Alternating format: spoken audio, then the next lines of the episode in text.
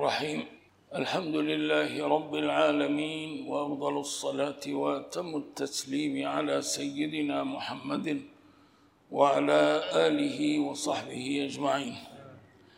اللهم أخرجنا من ظلمات الوهم وأكرمنا بنور الفهم وافتح علينا بمعرفة العلم وسهل أخلاقنا بالحلم. واجعلنا ممن يستمعون القول فيتبعون أحسنه. وبعد هذا أيضا أول درس في دروس الحكم العطائية كما أخبرنا وكما اتفقنا تقريبا على ذلك.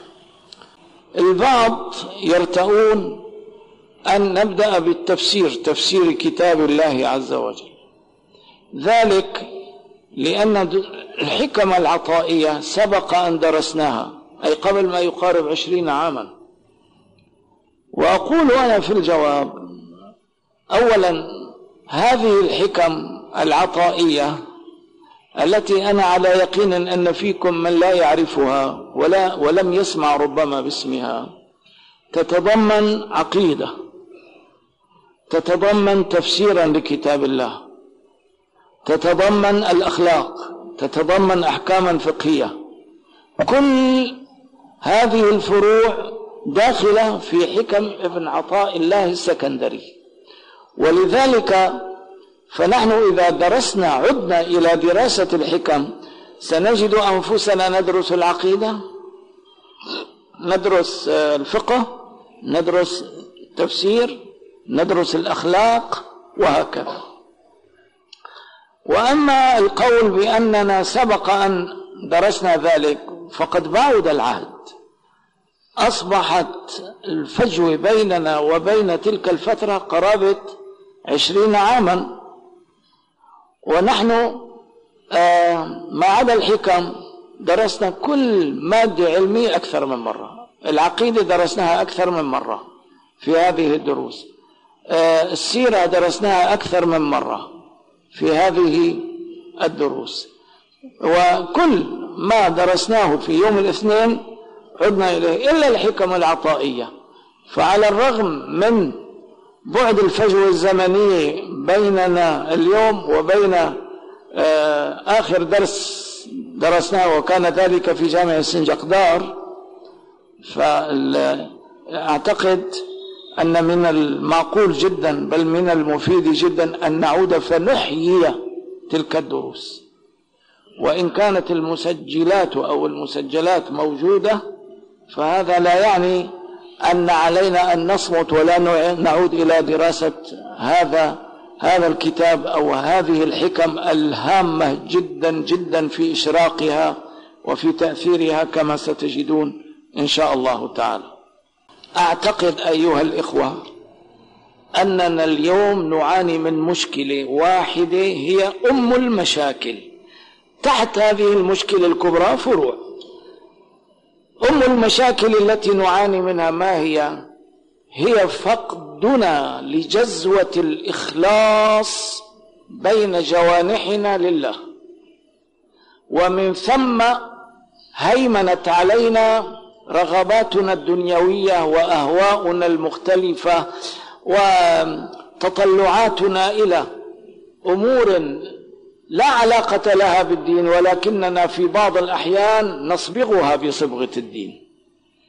هذا هو بلاؤنا وتلك هي مشكلتنا التي تفرعت عنها مشكلات أخرى صدعتنا وفرقتنا وجعلت صلة المسلم بأخيه المسلم في كثير من الأحيان. صلة حقد صلة شحناء صلة بغضاء صلة تربص به صلة تشهير تشهير بالمسلم. هذا هذه المشكلة ما علاجها؟ علاجها في كتاب الحكم. علاجها أن نزكي قلوبنا. الآن كثيرون هم لا سيما في الغرب الأكاديميات الإسلامية في الغرب كثيرة جدا جدا.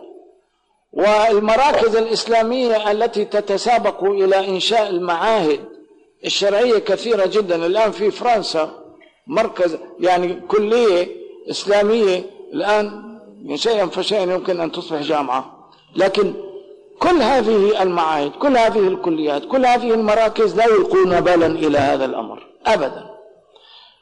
ربما يدرسون الأمور الأكاديمية العقيدة للمناقشة والمجادلة وما إلى ذلك. يدرسون تفسير القرآن من أجل أن يحمل كل فئة آيات القرآن ما يطيب له من المعاني. يمكن أن يدرسوا الاقتصاد الإسلامي آه، السياسة الإسلامية المجتمع الإسلامي في ظل أحكام الإمامة والسياسة الشرعية. هذه هي المسائل التي يقوم, يقوم ويقعد بها أكثر المسلمين اليوم. هل هذه مصيبتنا؟ لو فرضنا أننا أصبحنا علماء بل أساطين في هذه الموضوعات وأصبح كل واحد منا كالإمام الشافعي والإمام أحمد أو الإمام أبي حنيفة والإمام مالك في علمه الغزير العلم أقول العلم لا التزكية. هل تحل مشكلاتنا أبدا؟ يبقى الخصام خصاما يبقى الخلاف خلافا يبقى الشقاق شقاقا. تبقى كل فئة تشهر بالفئة الأخرى. نعم إلى آخر ما هنالك. إذا ليس هذا هو آه، داءنا. داؤنا أن قلوبنا منطوية على الأمراض الوبيلة التي يسميها الله باطن الإثم. وذروا ظاهر الإثم وباطنه. لا أحد يلتفت إلى باطن الإثم. أبدا أبدا أبدا. أنا الآن لا أتحدث عن التصوف ولا أدير هذه الكلمة على لساني حتى لا أستثير سبب خلاف. لكنني أركز على أمور لا خلاف فيها. هل يجب علينا أن نطهر قلوبنا من باطن الإثم أم لا؟ هل هنالك من يقول لا يجب؟ إذا هو يناقض كلام الله سبحانه وتعالى. طيب. كيف السبيل إلى أن نزكي نفوسنا ونطهر قلوبنا؟ بأن ننهل من الكتب التي كتبها الربانيون من علماء هذه الأمة الذين عرفوا بالعلم الغزير والاستقامة التامة على دين الله ثم عرفوا بالولاية والتقوى وكانوا مثالا لمن زكيت قلوبهم. نتتلمذ على أيديهم. وكتاب الحكم من أبرز الكتب كما سنتحدث التي تعالج هذا الجانب. فإذا نحن اليوم ولو أننا قبل عشرين عاما درسنا الحكم لكن الداء لا يزال موجودا. الداء لا يزال موجودا. إذا نحن بحاجة ماسة إلى أن نعود فنعالج أنفسنا. مريض أخذ استعمل الجرعات الدوائية المرة الأولى. ما ما ما طاب. الطبيب يقول له أعد. أعد الدواء. فنحن نعيد نعيد الدواء. هذا هو الذي شرح الله من أجله صدري للرجوع إلى دراسة الحكم العطائية. وأما بالنسبة للأخ الذي يطلب مني أن أقول كلمة يقول نرجو أن تتفضلوا بإعطائنا فكرة عن نشأة مفهوم التصوف في الإسلام بالإضافة إلى شرح مفصل للمصطلحات الصوفية ومصادرها من الكتاب والسنة. يا أخي الكريم هل تريد أن أستثير بين الناس عوامل الخلاف؟ أم تريد أن أردم عوامل الخلاف؟ أعتقد أننا جميعا متفقون أن مهمتنا أن أن نردم عوامل الخلاف. أنا أقول لك أنا لا أريد أن أدير على لساني كلمة التصوف لأن في الناس من يتكهرب. نستعمل هذه الكلمة. من هذه الكلمة؟ في الناس من إذا سمع التصوف خيل إليه أننا انقذفنا من الساحة الإسلامية وخرجنا من دائرة الإسلام وربما كفرنا بالله أيضا. عاد نحن لا نريد أن نناقش يا أخي ولا نريد أن نجادل نحن نسعى إلى أن نجمع صفوفنا ونلم شعثنا ونؤلف قلوبنا. ما هو سبب هذا كلمة التصوف ألغيناها دفناها لن نعود إليها. لن نتعامل مع كلمة تصوف. ولكننا سننظر إلى المسمى. هذا المسمى إن كان مما اجتمعت عليه كلمة هذه الأمة بدءا من سلفها إلى خلفها والله لا يسعنا أن ننكر. ننظر إذا كان كتاب الله عز وجل يدعونا ويهيب بنا إلى أن نعالج أنفسنا بهذه العلاجات التي يصفها لنا ابن عطاء الله السكندري. والله لا يسعنا لا نحن ولا إخواننا الذين يشمئزون من كلمة التصوف لا يسعنا أن نختلف. أما إذا أراد مني هذا الأخ أن أفعل هذا الأمر ونفذت له كلامه وبدأت أتحدث عن التصوف وكيف نشأ وكيف تطور وكلمات التصوف ومصطلحات التصوف. ما الذي سيحدث؟ الذين يشمئزون من التصوف يتبخرون ويفرون وينعتوننا بالابتداع وما إلى ذلك. ونحن نحاول العكس نحاول العكس. أنا ألقيت منذ سنوات درسا في المغرب في رمضان ضمن سلسلة الدروس الحسنية التي تلقى عادة بحضرة ملك المغرب الملك الحسن. عنوان الدرس ذكر الله ذلك الجانب المنسي من حياة المسلمين اليوم. لم أعرج على كلمة تصوف أبدا لا تصريحا ولا تلميحا. ولكني وقفت مع كتاب الله الذي يدعو إلى الإكثار من ذكر الله سبحانه وتعالى. أنت إذا صرت على هذا المنوال وعزفت على هذا الوتر ستلم شعث المسلمين ولن يحيد عن هذا النهج الذي تنادي به إلا من كان في قلبه مرض أبدا. يعني إلا الإنسان الذي يتظاهر بأنه يسعى من أجل خدمة الدين ولكن قلبه منطوي على شيء آخر. نعم. لذلك دعنا من كلمات التصوف وما إلى ذلك نحن نسير وراء المضمون ولا نتعبد أنفسنا أو نتعبد الله بالألفاظ. تماما كما قال سيدنا رسول الله صلى الله عليه وسلم. جاءه رجل من الأعراب من أعراب البادية.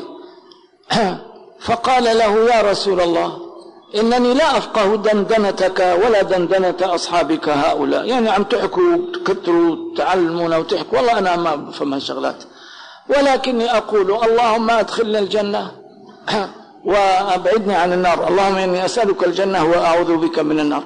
قال يا أخ العرب حول هذا ندندن حول هذا ندندن يعني ماشي إيه اترك الألفاظ اللي أنت ما عم تفهمها. هذا المضمون.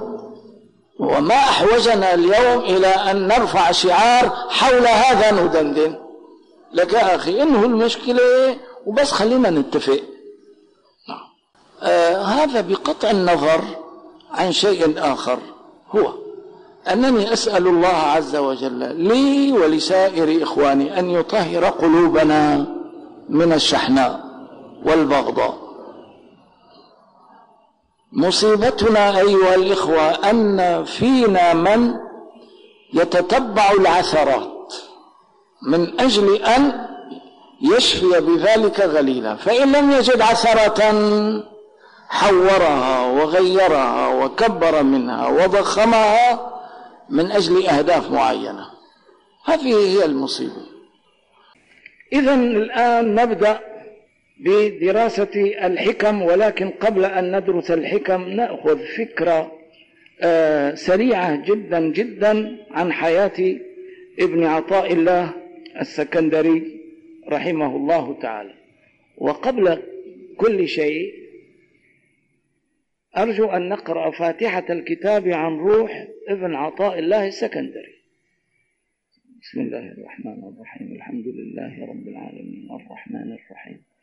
مالك يوم الدين. إياك نعبد وإياك نستعين. اهدنا الصراط المستقيم. عليهم غير المغضوب عليهم ولا آمين. وربما نحن نقول نريد أن نلم الشعث ونزيل الخلاف. ربما قال منكم قائل طيب قراءة الفاتحة على الموتى هل ورد؟ نعم. ورد. في سنن ابن ماجه عن رسول الله صلى الله عليه وسلم بسند صحيح أن رسول الله صلى الله عليه وسلم قال اقرأوا فاتحة الكتاب على جنائزكم. هذا كلام سيدنا رسول الله. اقرأوا فاتحة الكتاب على جنائزكم. الجنائز جمع جنازة والجنازة كناية عن الإنسان الميت سواء مات قبل ساعة أو مات قبل سنوات طويلة. نعم. أسأل الله القبول. ابن عطاء الله السكندري اسمه أحمد واسم والده محمد ابن عطاء الله وهو من علماء الإسكندرية. كان من علماء القرن السابع والثامن الهجري يعني عاش في في القرن السابع وفي القرن الثامن. توفي عام سبعمائة وتسعة عشرة نعم على ما أذكر. أو ربما عام توفي عام سبعمائة وتسع سنوات ربما كان هذا هو الصحيح. هذا الرجل كان في بادئ أمره شغوفا بعلم الحديث والتفسير والفقه ولكنه كان بعيدا عن هذه العلوم الإلهية الربانية التي تعالج القلب تعالج الأمراض النفسية. ولكنه عندما اختلف على شيخ معروف جليل اسمه العباس المرسي وكان من أبرز علماء الإسكندرية سرعان ما شرح الله صدره لأن يبدأ حياة جديدة في دراسته.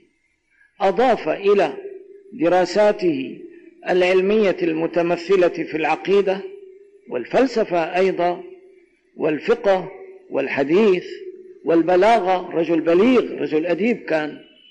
أضاف إلى ذلك العلم التزكية أو ما يسميه ابن تيمية رحمه الله تعالى علم السلوك. يعني العلم الذي يستطيع الإنسان أن يجد فيه طريقه إلى الله سبحانه وتعالى. وطبعا سبيل الإنسان إلى هذا الإكثار من ذكر الله الإكثار من مراقبة الله الإكثار من الأوراد التي يأخذ نفسه بها إن عن طريق الشيخ الذي يسلكه أو عن طريق السنة الموجودة أمامنا. فعل هذا فتفجرت الحكمة من فؤاده وظهرت على لسانه. كان في سابق عهده أديبا بليغا وكان ذا دراية بعلوم العربية على اختلافها هذا بالإضافة إلى دراسة الحديث والأصول والفقه والتوحيد والفلسفة لكنه توج ذلك كله بهذه الشفافية التي متعه الله عز وجل بها. عندما لازم شيخه الشيخ أبو العباس المرسي وتخرج عليه وعندئذ ألف طائفة من الكتب من أبرزها ومن أشهرها كتاب الحكم هذا الذي سنبدأ دراسته اعتبارا من هذا اليوم. لكن هنالك كتب أخرى له لا مانع من أن أذكر أسماء بعض منها. نعم. تاج العروس الحاوي إلى تهذيب النفوس بنفس المضمون الذي نحن فيه. كيف يهذب الإنسان نفسه؟ كتاب آخر اسمه التنوير في إسقاط التدبير هو كتيب صغير في الواقع. يعني لا يعدو أكثر من مئة صفحة. آه لطائف المنن في مناقب الشيخ أبي العباس المرسي وشيخه أبي الحسن الشاذلي. موجود هذا الكتاب ومطبوع في دمشق.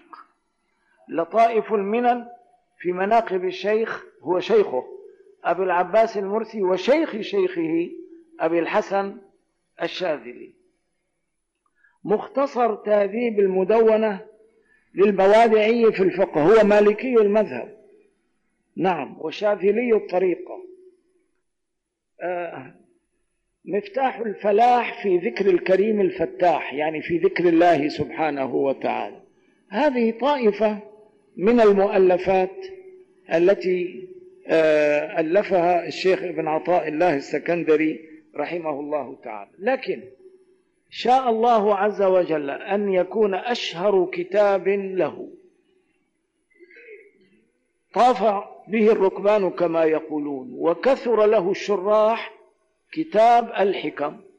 هو لو أسقطنا شروحه كتيب يمكن أن يوضع في الجيب وطبعته موجودة معروف موجودة في دمشق أعتقد. نعم يعني يمكن أن يوضع في الجيب. ولكن من شدة إقبال المسلمين عليه في سائر الأقطار كثرت الشروح له. من هذه الشروح شرح لشهاب الدين المشهور بالشيخ زروق وهو أيضا مالكي المذهب وعاش في المغرب. شرح الحكم أنا لم أطلع على هذا الشرح. أيضا من شروح الحكم شرح لابن عباد وهو من أوسع الشروح. من أوسع الشروح لحكم ابن عطاء الله السكندري. أيضا آه، شرح آخر لأبي الطيب إبراهيم بن محمود الأقصوائي المواهبي الشاذلي الحنفي. آه، شروح كثيرة في الواقع تولت بيان وشرح الحكم العطائية التي أكرم الله سبحانه وتعالى بها ابن عطاء الله السكندري فكانت نفحة من النفحات العجيبة التي فجرت من قلبه وظهرت على لسانه. ويقول بعض الذين ترجموا لابن عطاء الله السكندري لو جازت القراءة بشيء غير القرآن لو جازت الصلاة بشيء غير القرآن لجازت بحكم ابن عطاء الله السكندري. وسنجد مصداق هذا إن شاء الله عندما ندرس هذه الحكمة إن شاء الله إن شاء الله تعالى. لكن قد يقول منكم قائل يعني هذه الحكم ما سبب انتشارها وذيوعها وخدمة العلماء لها بالشروح الكثيرة؟ قد يقفز إلى ذهن بعض منكم أن الكتاب يمتاز بالبلاغة والأناقة. والواقع أنه يمتاز فعلا بالبلاغة لأن الرجل أديب كما قلت لكم. لكن والله لو أن هذه هي المزية الوحيدة التي يتمتع بها كتاب الحكم لما عرف ولا عشرون بالمئة من المسلمين هذا الكتاب. ولما انتشر في أقطار العالم الإسلامية هذا الانتشار.